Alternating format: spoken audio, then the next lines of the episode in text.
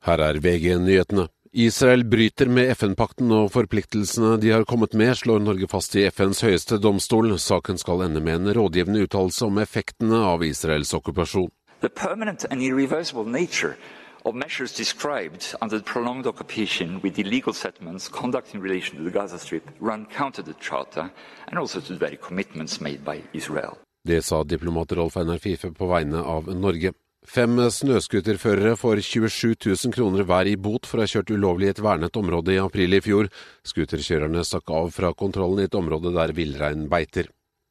Buskerud, Østfold og Akershus fortsetter med bare én statsforvalter. Det opplyser digitalisering- og forvaltningsminister Karianne Oldernes til NRK. 1.1 i år ble Viken fylke oppløst. I fire år var altså Buskerud, Østfold og Akershus ett fylke. Norges Bank bommet på valutaprognoser og satte opp renten for sent, ifølge Norges Bank Watch. Norges Bank Watch er en uavhengig årlig evaluering av norsk pengepolitikk på oppdrag av Finansdepartementet. I studio Frode Sti, nyhetene får du alltid på VG.